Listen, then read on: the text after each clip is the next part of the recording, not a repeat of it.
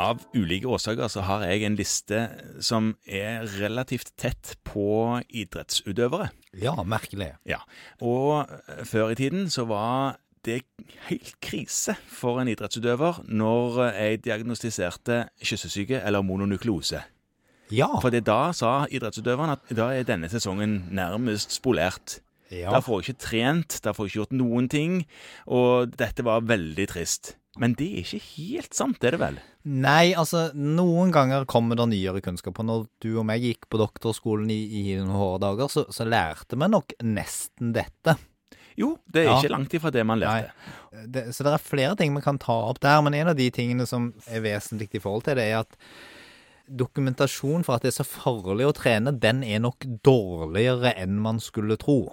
Det- Vel, du sier nå det er ikke farlig å trene. Nå, altså, først er man jo akutt syk og dårlig. Ja, altså, alle idrettsfolk vet at hvis du har en pågående aktiv infeksjon, og du feber og føler deg slapp og dårlig, så bør man trene mye mindre eller ingenting. Mhm. Og det handler ikke først og fremst om at det er så fryktelig farlig, men at man overhodet ikke har restitusjon. Ja. Dette kan jo du kjempegodt som idrettslege, Morten, men, men det er jo restitusjonen man blir bedre på, har jeg hørt. ja, og repetisjon av treningen. Ja, og, og det funker dårlig når man har pågående infeksjon, Ja. eh, så da må man trappe ned. Men det som nå står, er at når det gjelder mononukleose, så, så sier det at det er kun én eneste anbefaling, og det er at så lenge du har splenomegali, Ja. så bør man unngå hard fysisk aktivitet. Ok, så i, i min enkle verden så er splenomegali når jeg jeg kjenner milten. Ja. Ja. Hvis jeg kjenner milten, da er han forstørra. Det er en forstørrende, og det er kanskje noen av disse ultraslanke idrettsutøverne med veldig, veldig lav fettprosent, der man klarer det ellers òg, men, Altså kjenner milten? Ja. Ja. men ellers så er jo det en grei huskeregel for de fleste pasientene på fastlegekontoret, i hvert fall. ja, ja. Og, og det andre som er litt nyttig, det er at det er veldig dårlig dokumentasjon for at det driver på å måle transaminaser, Altså leverprøver, som man sier. ja, Ja. har noen ting for seg.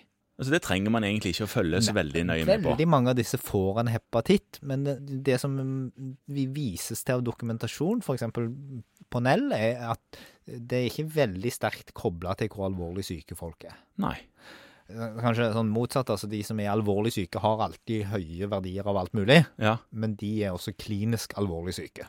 ja. Ja. Men du sa noe om hard fysisk aktivitet og kontaktidrett og sånt. Ja, altså, hard fysisk aktivitet, da tenker man på belastningen. Så da er det makstrening og hard Ok. intervalltrening. Mhm. Og så har du det andre poenget, og det er kontaktidrett. Ja, Hva var det med det?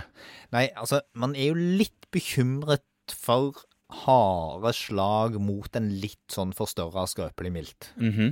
Eh, og det har, i hvert fall anekdotisk, vist seg å på en måte Viltruptur er en sånn ting man er litt redd for. Eh, Jo, ja, Ja. Det, det skal man unngå. Eh, Ja. så, men nå er det faktisk sånn at det er en amerikansk studie som viser at idrettsutøvere de kan i hvert fall gjenoppta et sånt ikke-kontakttreningsprogram så snart de er afebrile. Ja, så lenge de Ja, OK, når de ikke har feber lenger? Ja, så kan de gjøre alt som ikke handler om kontaktidrett. Aha. Og etter en tre til fire uker, eller når du ikke kjenner milten lenger, så bør all idrett være mulig. ja. Ja. Men da er det noen som kommer og spør kan vi ta en ultralydkontroll. Bør man gjøre det for å finne ut om milten er for stor eller ei? ja det er gjort eh, noen som har kommet med et forslag om at etter tre uker kan det være fornuftig å ta en ultralyd av milten, men, men dette er ganske ressurskrevende, og det er egentlig ingen god dokumentasjon på at det faktisk har noen ting for seg. Nei. At det faktisk er bedre til å plukke ut de som får en miltruptur i forløpet. Skjønner. En annen ting som disse her mononukleosepasientene mine har fått med seg, det er at eh, nå har jeg fått kyssesyke, og jeg er slapp og dårlig, og så kan jeg jo ikke ta Paracet engang. Nei, sier de det? Ja, Ja. og det er òg en ting jeg tror vi faktisk lærte, Kristian. Iallfall Ja. ikke langt unna. Det men- kan godt være. Nå begynner vi å bli gamle, og det husker vi ikke lenger. Men, men nå er det f- morsomt at du tar opp det, for det at nå har faktisk Legemiddelverket vært ute om seg. Utom seg, du. Ja, Jaha. for de fikk faktisk en forespørsel eh, fra en mor, faktisk, som var bekymra for at det ikke sto noen advarsel på paracetamol Jaha. i forhold til mononukleose. Og det hun da siterte, var at det var et apotek som skrev at man burde unngå paracetamol ved mononukleose. Mhm. Og så gikk da Legemiddelverket gjennom hele det faglige grunnlaget for det. Forskningen og Ja. Alt som er dokumentasjon på det, og finne ut at det er ikke helt tilfellet. Ja, Hva da? At det, at det er farlig med paracetamol når du har Ingen mononukleose? dokumentasjon på at det er farlig å bruke paracetamol ved mononukleose. Nei. Nei. Se det, man skulle vært mer morer Eh, som stiller spørsmål. Ja. Eh, Sånn at de har faktisk nå sendt ut et brev der de skriver at alle som både selger medisiner og som forskriver medisiner, Ja. bør være klar over at paracetamol er førstevalget ved feber og redusert allmenntilstand ved mononukleose. Førstevalget, intet Ja. mindre. Ja. Fordi at NSAIDs generelt gir betydelig mer bivirkninger ja, nettopp. enn paracetamol. Og dette er uavhengig av aldersgrupper og alt mulig, og har ikke vist seg å være farlig. Nei. Så man, man trenger ikke å legge idrettskarrieren for året på hyllen om man får mononukleose, og man trenger heller ikke å kjempe seg gjennom vondter uten å ta Paracet. Nei. og Jeg tenker det at hvis det skulle være slik at man hadde en så alvorlig leversvikt at man ikke kan ta paracetamol, Ja. så tror jeg fastleger kan tenke at da er man på sykehus. ja og, og man, man er så skikkelig dårlig at eh, det ringer en eller annen sånn eh, Ja, bjelle. og da, da er det på en måte ikke vårt bord. Så de vi treffer ute, som på en måte skal behandles hjemme, de er friske nok til å ta paracetamol. Ja. Eh, Og de kan begynne å trene igjen.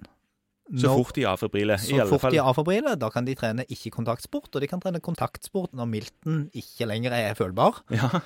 Ehm, og det er egentlig ikke noe poeng å ta verken blodprøver eller ultralyd for å følge med på hvordan det går med milt og lever. Mhm. Sånn sett har livet blitt enklere. Så vil det være noen som får et langdratt forløp av dette. Og det er ikke sånn at vi sier at det er ingen som får det, når vi nå har sittet og snakket om dette. Men poenget til de som har forska på dette, er at det får de uansett hvordan man kontrollerer de. Så den gruppa som blir langvarig syke av en mononukleose, de blir det uavhengig av hvilke tiltak vi iverksetter på et tidlig tidspunkt. OK. Da har vi avdramatisert litt.